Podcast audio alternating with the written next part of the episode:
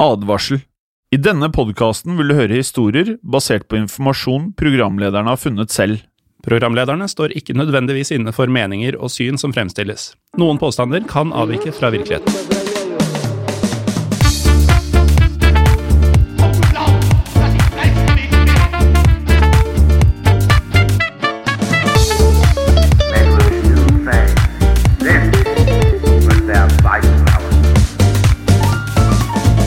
Velkommen til eh, historiepodden andre verdenskrig.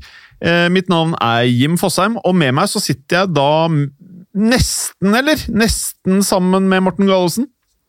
Ja, vi, eh, takk. Vi sitter jo et par-tre kilometer fra hverandre, men ser hverandre likevel takket være internett og personlige computere. Ja. Um, Det er jo sånn det er i denne epoken av verdenshistorien, at det er greit å ikke være for tett på hverandre. Men eh, det gjør det jo egentlig ekstra deilig med en ny episode hjem. Og ikke nok med det, vi skal jo åpenbart eh, snakke om andre verdenskrig også i dag. Ja, og det er jo sånn at eh, vi eh, er jo meget fascinerte av andre verdenskrig, men det vi kanskje, for å toppe det hele, da, eh, så er det jo da militære operasjoner under andre verdenskrig som kanskje er det liksom det aller mest spennende, da. Ja, og det er jo, det føles lenge siden vi i Historiepodden gikk gjennom en operasjon. For Ja. vi elsker å uttale operasjonsnavn og, og sånne ting, og, og det var det jo veldig mye fett av under andre verdenskrig. eh, spesielt. Og i dag så har vi jo en godbit av en operasjon. Eh, ikke med det mest flashy navnet, men eh, vi skal snakke om den angloamerikanske operasjonen som bærer navnet Operation Torch. Altså som i Operasjon Fakkel. Operasjon fakkellim eh, høres kanskje best ut på engelsk. Ja, som regel så er eh, engelsk eh, bedre enn eh, norsk i disse her navnene, men jeg syns Operasjon Fakkel kanskje tok eh, overhånd her, jeg. Tok rotta på det engelske navnet. Jeg tenker det. Eh, Ja, jo, kanskje. ja, det som er litt greia da, Når vi skulle lage historie på den andre verdenskrig, så gjorde vi jo masse research. fordi at selv om vi digger alt av informasjon, så er det jo ikke sånn at vi kunne alt det vi lager episoder om før vi begynte med dette her. Og en av eh, tingene som uh, dukka opp, var nettopp Operation Torch. Som eh, jeg vil si var ekstremt stor og viktig, og som gjør det enda merkeligere at vi aldri hadde hørt om det. Ja, men eh, det er det som er så fint, at når vi først hører om noe vi syns er gøy, Ja. så sprer vi det også til massene som eh, ofte også syns det er gøy. Um, og Operation Torch, eller Operasjon Fakkel, det var kort fortalt en plan fra de allierte sin side, eh, spesifikt her Storbritannia og USA, eh, om å, invadere franskkontrollerte områder i Nord-Afrika.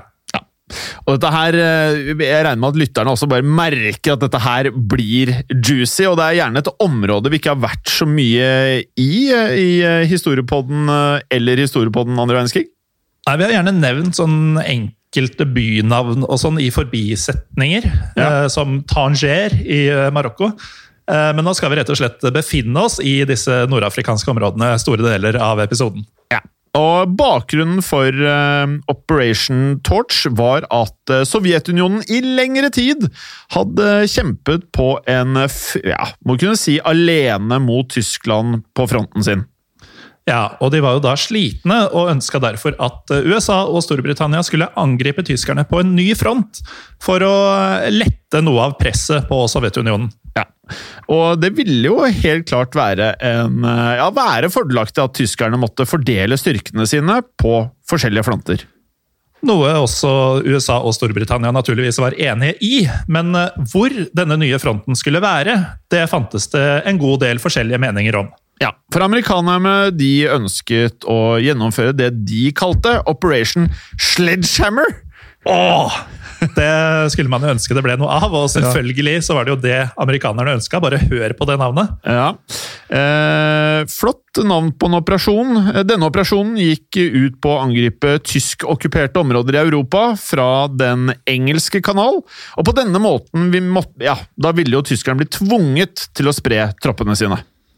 Men britene de mente at denne planen, altså Operation Sledgehammer, var å regne som et eh, selvmordstokt. De argumenterte med at eh, tyskerne, tyskerne hadde altfor god kontroll på disse områdene, og at de derfor lett ville kunne stå imot et sånt angrep. Britene var jo enig i at man på en eller annen måte på et eller annet tidspunkt måtte angripe Tyskland i Europa, men mente altså at dette her var altfor tidlig.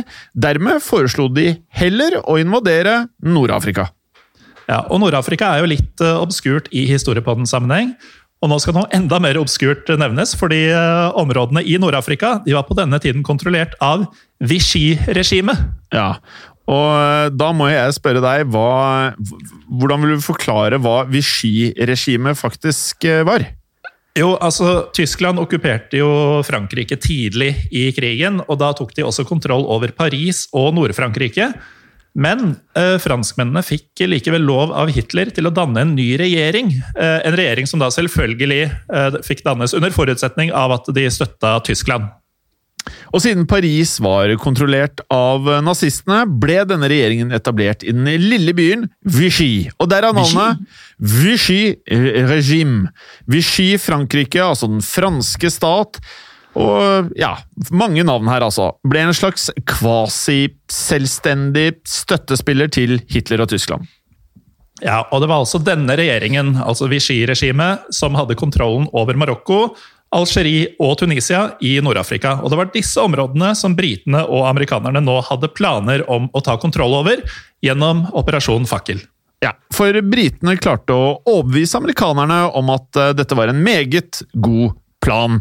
Og dette hadde de to hovedargumenter til å melde. Det ene var at denne invasjonen ville oppfylle kravet fra Sovjet om å sette opp en ny front mot tyskerne. Det andre poenget som de da kom med, var at eh, ved å ha kontroll over disse landene, ville de allierte kunne få kontroll over Middelhavet, og ved et senere tidspunkt også angripe Europa derfra. Så britene hadde jo rett eh, og fikk da med amerikanerne på at dette ikke var en dum plan. Amerikanerne sa seg villige til å droppe operasjon eh, Sledgehammer, og heller da kjøre på med Operation Torch. Likevel hadde de ett krav. De ønska selv å lede operasjonen. Og det er jo kanskje heller ikke så naturlig når man tenker på styrkeforholdet USA mot Storbritannia? Altså, Britene gikk jo med på dette, og amerikaneren som ble valgt til å lede det, var eh, ingen ringere enn general Dwight D. Eisenhower. Uh, mannen som senere skulle bli USAs 34. president. Ja, Eisenhower hadde en eh, ganske stor jobb foran seg. Det ble hans oppgave å finne ut hvordan Operation Torch faktisk skulle gjennomføres. Også på dette punktet fremsto det også uenigheter mellom britene og amerikanerne.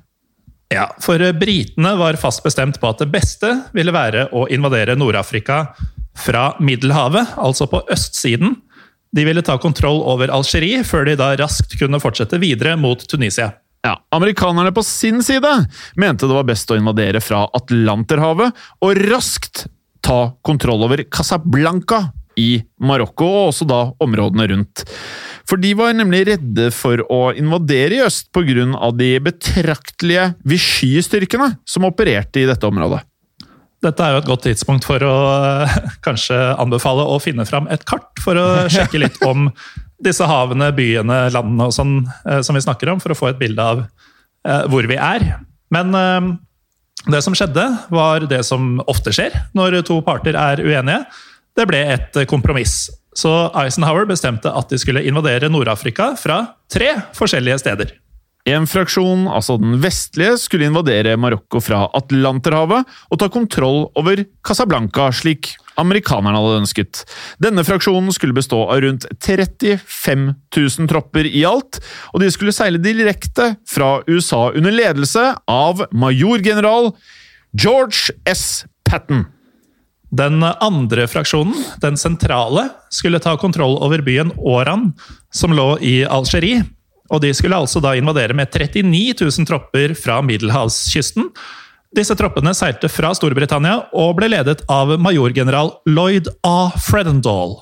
Åh, og alle gode ting er jo tre, og den siste og da østlige fraksjonen skulle invadere Algeries eh, hovedstad, Alger. Denne fraksjonen var satt sammen av rundt 33 000 tropper, altså nesten like mange, og de ble ledet av majorgeneral Charles Ryder. Og det er jo, Vi, vi syns jo det er viktig å få med alle disse majorgeneralene. Nei, altså, det blir jo ikke veldig mye mer høytidelig, da. Ja, ikke sant? Um, og litt høytidelig må det jo være når rundt 100 000 soldater er på vei for å invadere Nord-Afrika. Uh, og I tillegg så kan vi jo legge til at uh, disse gruppene også skulle suppleres med flystyrker fra både øst og vest. Og, men eh, nå går vi jo litt fort frem her, for um, før vi går i gang med selve invasjonen, må vi da snakke om forberedelsene, som er ganske interessante. Ja, For det er større og flere forberedelser enn å samle 100 000 soldater? Ja, for det var én ting både britene og amerikanerne gjerne ville vite før de invaderte Nord-Afrika og det Vichy-kontrollerte området.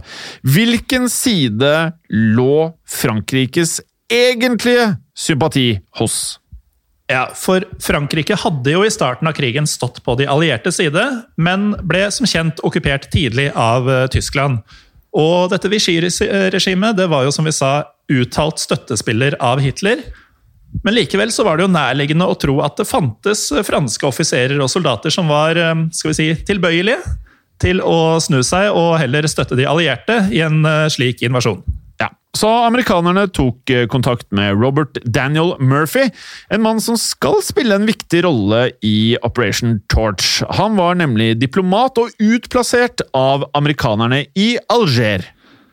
Murphy fikk i oppgave å lodde stemninga rett og slett, blant eh, franskmennene i Nord-Afrika. Hvor lå sympatien deres? Og han skulle da også prøve å overtale franske offiserer til å gå over til de alliertes side i forkant av operasjonen. Et utrolig viktig arbeid. Mm. for det var vel mer eller mindre helt essensielt å vite hvor mye motstand det var sannsynlig at franskmennene faktisk ville yte. Og Murphy, han jobbet på, Morten.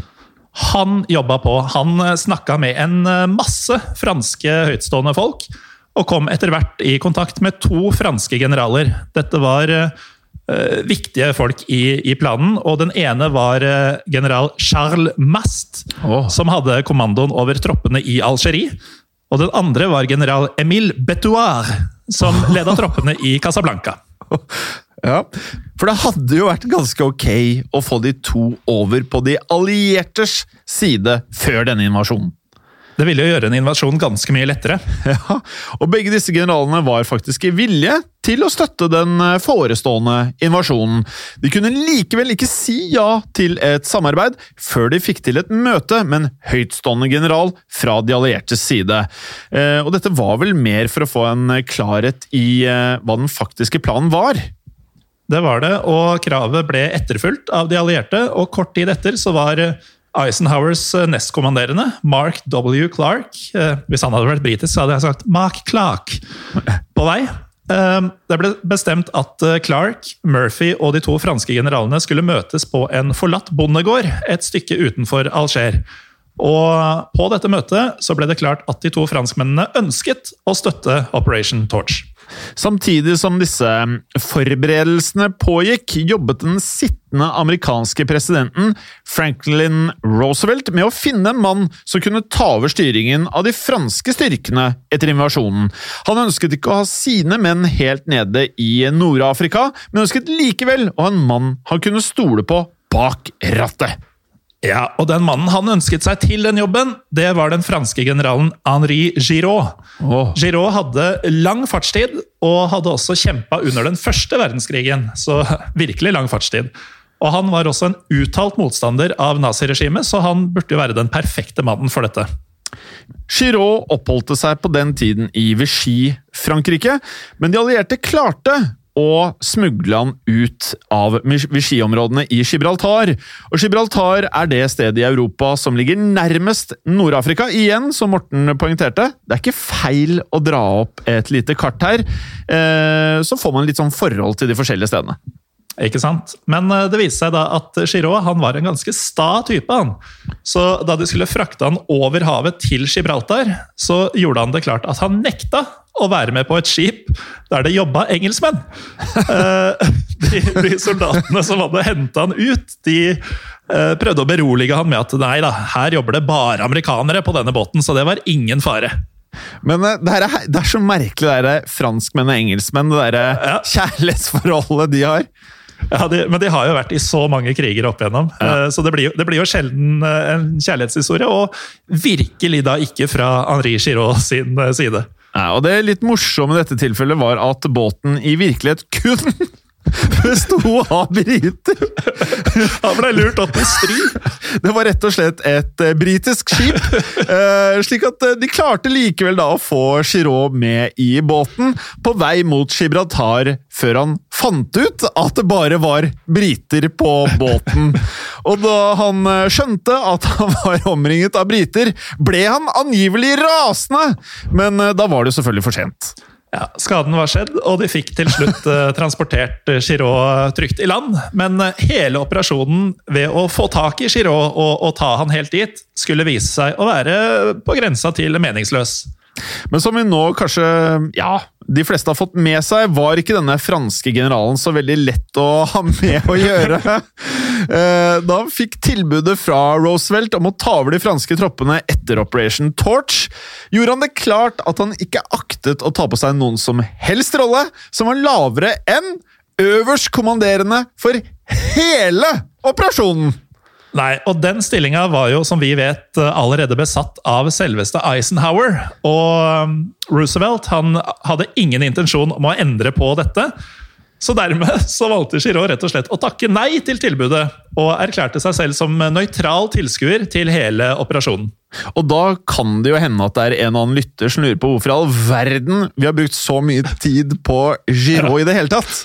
Jeg skjønner jo de lytterne som lurer, for uh, han virker jo helt irrelevant. Men det er jo uh, for det første en litt morsom historie, og for det andre så viser det litt hvor mye uh, forberedelser og styr som de allierte måtte gjennom før de nå endelig var klare til å starte Operation Torch. Og vi er så klare, men først må vi ta en liten pause. Velkommen tilbake. Før pausen så hadde vi akkurat kommet til det punktet hvor uh, Operation Torch endelig skulle bli satt ut i livet. Den 8. november 1942 var altså nærmere 100 000 britiske og amerikanske tropper på vei over Atlanterhavet og Middelhavet for å invadere Nord-Afrika. Så nå blir det action her! Ja, og det er jo egentlig snakk om tre ulike invasjoner, dette her. For som vi husker, så ble de allierte enige om at de skulle invadere Casablanca fra vest, Oran fra sentralt og Alger fra øst. Så la oss da starte fra venstre mot høyre, holdt jeg på å si, med invasjonen av Casablanca og Marokko. Ja, Murphy hadde jo da altså klart å få den franske generalen Antoine Betofart over på de alliertes side. Han hadde kontroll på mange av troppene i Casablanca, og han klekket ut en plan for å gjøre amerikanernes landgang noe enklere. Du, Jim, er det lov å hevde at jeg kanskje har litt bedre koll på franske navn enn det du har? Ja, det er lov. Takk. Vær så god. Eh, natt til den 8. november så prøvde Betoir å gjennomføre et kupp mot den Vichy-lojale høykommissæren Charles Nog, som da altså styrte områdene i Marokko. Og hvis Nog ble satt ut av spill, da ville mye allerede være gjort. Men dessverre så gikk ikke Betouars plan helt som han hadde ønsket. Ja. Jeg merker vi har ganske forskjellig uttalelse på franske navn. Ja, vi har det, altså. Uansett, Nokes slo raskt og effektivt ned kuppforsøket, og fikk da i samme slengen greie på at amerikanerne var på vei for å invadere kystlinjen hans. Dette gjorde at han eh, fikk tid til å samle tropper og gjøre klar til motstand. Og for dere som blir litt forvirra nå, så er da denne Nog, som jeg sier, og Nokves, eller hva det var du sa, Jim, det er da samme person. Um, amerikanerne de hadde jo vært ganske sikre på at de ikke ville møte noe motstand fra franske soldater når de gikk i land, så de hadde derfor droppa å gjennomføre et flyangrep før landgangen. uh, For de visste jo ikke hva som hadde skjedd i løpet av natten. Planen var at de amerikanske soldatene skulle gå i land ved et sted som het Fedala, som lå 24 km fra Casablanca. Da de seilte inn mot stranden, så de at franskmennene faktisk sto der og ventet på dem, men det var allikevel ikke det franske forsvaret som skulle bli den største utfordringen. Nei, som vi har vært gjennom mange ganger i Historiepodden, så vet vi at naturen kan være en eh, relativt uhyggelig faktor eh, også i krigstid. Eh, Denne gangen var det Atlanterhavet som kjempa rett og slett på Vichy-Frankrikes side. For enorme bølger gjorde det helt umulig for de allierte å gå i land. De måtte derfor bli ute på sjøen og rett og slett vente ut stormen. Samtidig ble de jo beskutt av de franske troppene som da ble ledet av Nogues.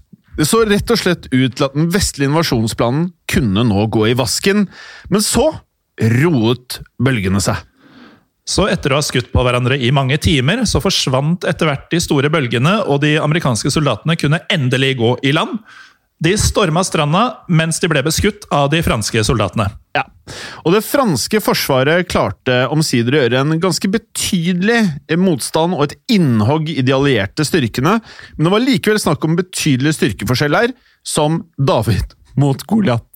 Men der eh, lille David beseira store Goliat, så var eh, overtallet til de allierte rett og slett for stort. Så etter bare to dager så klarte de å ta seg fram til Casablanca. Og Nog, eh, hvis det er sånn det uttales, hadde ikke noe annet valg enn å overgi byen. Men det var jo den vestlige delen av Operation Torch mer eller mindre vellykket. Riktignok hadde ikke alt gått helt etter planen, men Casablanca var i alle fall nå under alliertes kontroll. Men dette var jo bare én av tre invasjoner som skjedde den dagen. Og etter at det ble, det ble jo litt trøbbel eh, med Nog og hele gjengen der, så jeg er jo veldig spent på hvordan det gikk med det sentrale angrepet. Altså invasjonen av eh, Oran. Dessverre må vi jo kunne si at det ble problemer her også. Ja, og der eh, det hadde vært problemer med høye bølger i Casablanca, så var det som ødela litt for langgangen her, rett og slett grunt vann. Da båtene var på vei inn, så gikk det på grunne mye tidligere enn planlagt. eh, Noe som gjorde at eh, det hele ble forsinka. Og hva skjer når en invasjon blir forsinket? De som er i ferd med å bli invadert, får selvfølgelig mye mer tid til å sette opp et forsvar. Nettopp. Og også her klarte da franskmennene å raske sammen et eh, forsvar, og da de allierte endelig klarte å komme seg i land, så ble de møtt av kamp. De franske soldatene de bare kjørte på og ga jo en nokså god motstand her. Ja, men det er nok riktig å si nokså god. Ja, For selv om de franske soldatene sikkert var dyktige, selvfølgelig, var det militære utstyret deres ikke helt der det burde ha vært til en kamp av denne sort. Nei, for Hitler hadde jo aldri helt klart å stole på Vichy-regimet. Og hadde derfor bevisst hindra dem fra å modernisere militæret sitt. Så Derfor så var det franske forsvaret i Nord-Afrika nå ekstremt utdatert. Ja, Så det Hitler hadde tenkt, var jo selvfølgelig da at hvis de skulle angripe Tyskland, så hadde de dårlig utstyr, men kanskje ikke så heldig hvis du ønsket at disse Vichy-styrkene skulle forsvare Frankrike? Nei, man kan jo tenke at han kanskje angra litt akkurat nå. Ja, og selv med utdatert militærutstyr klarte de franske soldatene å holde ut hele 8. og 9. november. Men da britiske krigsskip begynte å fyre av med tung, tung kanonild, måtte også disse heise det hvite flagget. Og Det betyr jo at både Casablanca og Oran var i boks, to av tre. Ja, det stemmer. Og da var det vel på tide å gå løs på den tredje og siste delen av invasjonen. Det østlige angrepet på Alger. Ja, og Vi snakka tidligere om dette hemmelige møtet som ble holdt på den forlatte bondegården i forkant av operasjonen. Den med Murphy, Clark og to franske generaler. Ja, og mange hadde kanskje nesten glemt Murphy og lurt på hvorfor vi nevnte han, men nå kommer han til sin rett, for her skjedde det flere ting.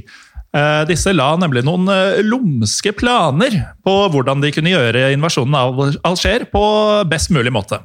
Planen var nemlig å gjennomføre et kupp. Robert Murphy hadde siden dette møtet jobbet med å overtale franske soldater som da var utplassert i Algerie, til å bytte side.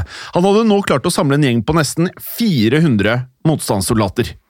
Og det er jo ganske imponerende arbeid. Ja, Murphy virker ut ifra det vi har klart å få med oss, ut som en meget imponerende type. Mm. Og disse soldatene klarte i dagene før 8. november å ta kontroll over en rekke viktige steder i Alger. De tok kontroll over guvernørens hus, over telefonsentralen og radiostasjonen, bare for å nevne noe. Samtidig som disse motstandssoldatene gjorde dette, dro Murphy med seg noen andre soldater til general Alphonse Juin sin eiendom. Juin var senioroffiser for den franske hæren i Nord-Afrika. Murphy og soldatene de omringet huset til Juin, og han var da i praksis fanget. Han kom seg i hvert fall ingen steder med tanke på at det var soldater rundt hele huset. Og dette var jo ikke så dumt, for uten Juin så ble det heller ikke noe fransk forsvar da den siste delen av operasjonen Torch skulle gjennomføres. Veien lå altså nå helt åpen for de britiske og de amerikanske soldatene som var på vei mot kysten. Så i motsetning til eh, de to foregående, så kunne de allierte nå gå i land uten problemer, og allerede samme dag så kom de seg fram til Alger. Juin hadde da ikke noe valg, han måtte overgi byen til de allierte styrkene. Så da var det altså operasjon Torch omsider ble gjennomført. Selv om det da var litt problemer underveis, må man jo kunne si at eh, operasjonen var meget vellykket. Det må det jo virkelig være lov å si. Altså Planen var hele tiden å få kontroll over Casablanca, Oran og Alger, og det klarte de jo. Det var jo kanskje en liten bismak at de mistet eh, nærmere 500 soldater, 480 for å være presis. De hadde jo da håpet at invasjonen skulle gå helt uten noen form for fransk motstand. Ja, altså 480 soldaters liv er jo selvfølgelig et bittert tap, eh, også i krig, men samtidig må vi huske at det gikk eh, enda verre for de franske styrkene. For de mista i alt 1346 menn i kampene ved de tre ulike invasjonene. Eh, dette er jo da liv som kunne vært spart dersom de bare hadde ikke slåss. Men selv om Operasjon Torch nå egentlig er ferdig, så kan vi ikke gi oss helt enda hjem. Nei. For eh, denne operasjonen hadde jo litt eh, ettervirkninger. Ja, Selv om eh, operasjonen i og for seg hadde da vært vellykket, førte den med seg noen uønskede konsekvenser. Ja, Vi nevnte jo denne Henri Giraud tidligere, denne litt vanskelige franskmannen. Ettersom han hadde takka nei til å ta over de franske styrkene etter at han ikke fikk jobben som øverstkommanderende for operasjonen, så måtte Roosevelt finne en annen mann til jobben. Og den mannen han valgte, falt ikke i god jord hos eh, Egentlig ikke hos noen. Nei, for eh, Roosevelt ga denne jobben til franskmannen Francois Dalan. Og Dalan var øverstkommanderende for alle de franske styrkene, og hadde helt siden Tysklands okkupasjon av Tyskland vært en viktig støttespiller for Hitler og hele naziregimet. Og da er det ikke overraskende at det derfor ble mye sinne blant de franske motstandsmennene da de fikk høre om eh, akkurat denne ansettelsen. De som helt siden okkupasjonen hadde jobbet for et fritt Frankrike, med general Charles de Gaulle i spissen, de så jo dette rett og slett som et svik. Og det var ikke bare de som ikke likte at Darlan nå skulle jobbe på de alliertes eh, side. Også Hitler mislikte sterkt at hans tidligere støttespiller nå vendte han ryggen. Dette resulterte i at Adolf Hitler beordret styrkene sine til å okkupere de Vichy-kontrollerte områdene i Frankrike. Typ hevn. Ja, og Samtidig som Hitler tok eh, over Vichy-Frankrike, begynte han også å bygge opp styrker i eh, Tunis. Eh, Og Dette gjorde det umulig for de allierte å spasere inn i Tunisia, sånn som de hadde håpet på. Ja, Det var altså flere ting med denne operasjonen som ikke helt eh, skulle gå smertefritt. Den opprinnelige grunnen til at de hadde gjennomført denne planen, var jo å få lette på trykket for Sovjet. Og dette trykket lettet ikke betraktelig, og derfor kan man jo si at eh, denne delen av planen ikke gikk spesielt vel. Nei, så Vi sa jo at det var en vellykka operasjon, men det begynner jo å ligne mer og mer på en fiasko. Ja, altså Selve operasjonen gikk vel ikke helt som de allierte hadde håpet på, men lærdommen fra operasjonen skulle vise seg å være mer eller mindre uvurderlig for de allierte. Ja, for Britene og amerikanerne hadde aldri før denne operasjonen gjennomført en invasjon til havs sammen.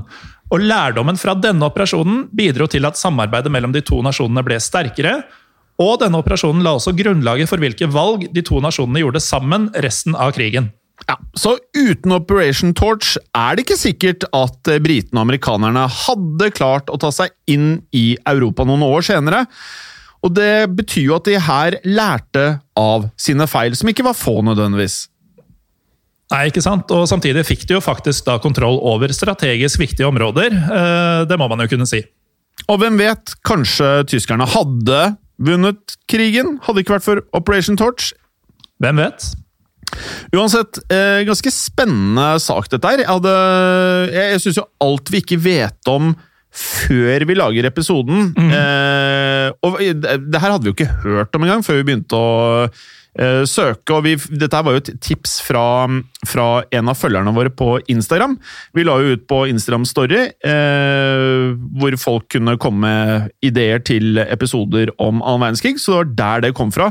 Dessverre var vi ikke smarte nok til å skrive ned navnet på personen som sendte inn, men takk til deg, du vet kanskje hvem du er, for det var bare én som sendte inn akkurat dette forslaget. Da bør jo vedkommende vite hvem vedkommende er. eh, ja. Um, jeg, liker spesielt eh, Robert Murphy. Han har ikke fått så mye um, oppmerksomhet, men det som han gjorde, virka jo ekstremt imponerende og ikke minst viktig. Jeg tror ikke invasjonen av Alger hadde gått så bra som den gjorde uten han. Ja, og det er jo litt med eh, historiepodden, er jo at eh, det er mange vi gjerne skulle pratet mer om, men så er det rett og slett ikke så mye informasjon der ute. Så Nei, det er det. typer sånn som Murphy skulle gjerne lagd en kort eh, typ kuriositet-episode, men det er, det er ikke nok informasjon til det engang for å liksom klare å lage noe spennende. Nei, Så vi får bare gjøre en liten honnør til eh, diplomat Murphy her eh, i dag. Ja, Imponerende stykke arbeid. Men det var det vi hadde, Jim, for denne gang. Ja, Så eh, vi er jo snart tilbake med enda en spennende historie fra denne utrolig interessante krigen som er andre verdenskrig. Og med det, folkens, så eh, vi trenger mer enn noen gang forslag til eh, temaer på episoder.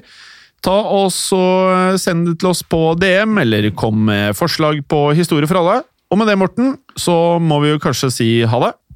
Ja, Men før det, Det har skjedd. og det kan skje igjen. Ha det bra. Ha det! I produksjonen av Historiepodden så ønsker vi å takke Håkon Bråten for lyd og musikk. Takk til Felix Hernes for produksjon.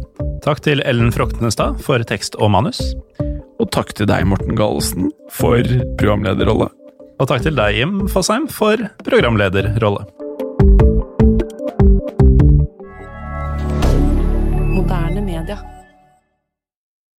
Kiwi er billigst i VGs matbørs og har vært billigst i fire av de fem siste VGs matbørser. Og nå presser vi prisene på frukt og grønnsaker. På 200 gram broccolini setter vi prisen til 24,90. På 400 gram Cevita blåbær setter vi prisen til 49,90. Og husk, alle Kiwi Pluss-kunder får i tillegg 15% trumfbonus på all fersk frukt og grønt. For det er vi som er prispresserne. Og vi i Kiwi gir oss aldri på pris.